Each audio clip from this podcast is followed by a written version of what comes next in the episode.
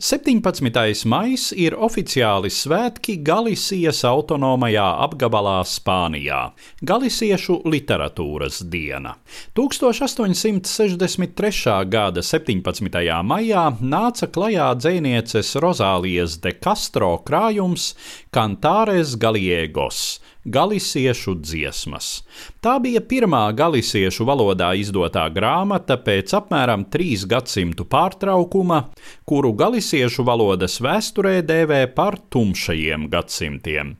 De Castro galisiešu dziesmu iznākšanu uzskata par sākumu Reksurdimento, galisiešu valodas atzimšanas kustībai. Galisija atrodas Spānijas ziemeļrietumos un dienvidos robežojas ar Portugāli. Galisiešu valoda ir ļoti līdzīga portugāļu valodai, jo Portugāle sākotnēji radās kā grāfiste Galisijas pierobežā no musulmaņiem atkarotā teritorijā.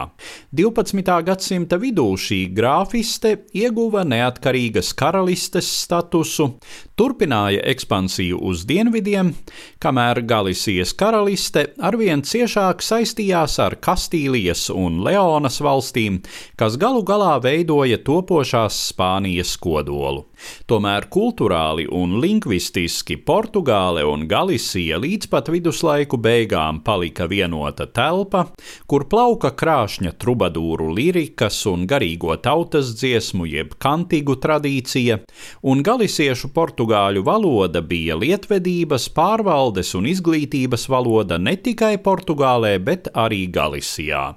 Situācija sāka mainīties 15. gadsimta otrajā pusē, kad Spānijā pastiprinājās centralizācijas tendences, un spāņu valoda, kam pamatā bija kastīliešu dialekti, sāka izspiest galisiešu valodu no Galisijas lietvedības, galisiešu elite pamazām spāniskojās, līdz galisiešu valoda izzuda no publiskiem rakstiem, nonākdama vienkāršās tautas sarunvalodas statusā, par etām lietota privātā sarakstē un līdzīgos tekstos. Tad arī iestājās galisiešu valodas tumšie gadsimti. 1846. gadā uzliesmoja pret Spānijas centrālo vāru vērsta sacelšanās, kuru diezgan nežēlīgi apspieda. Taču galisiešu nacionālā apziņa neapsīka un meklēja izpausmi kultūras jomā.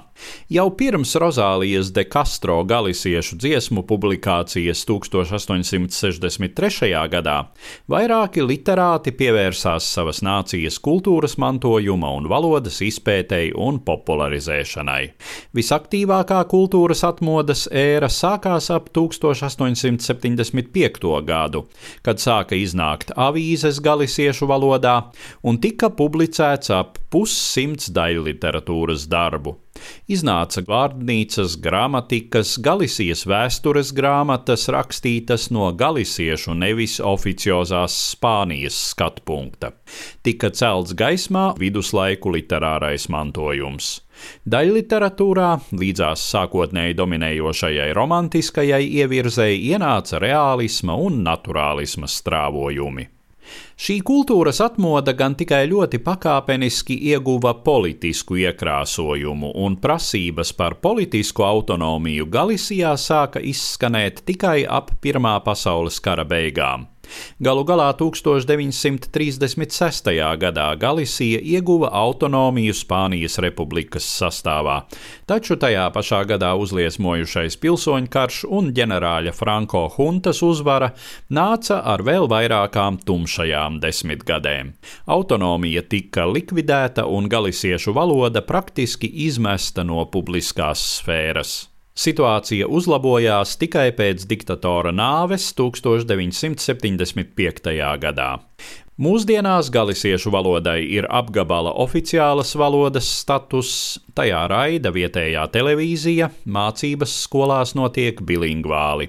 Galisiešu valoda ir dzimtā apmēram 58% apgabala iedzīvotāju, jeb nepilniem diviem ar pusi miljoniem, taču sazināties tajā spēja līdz pat 90% šeit dzīvojošo.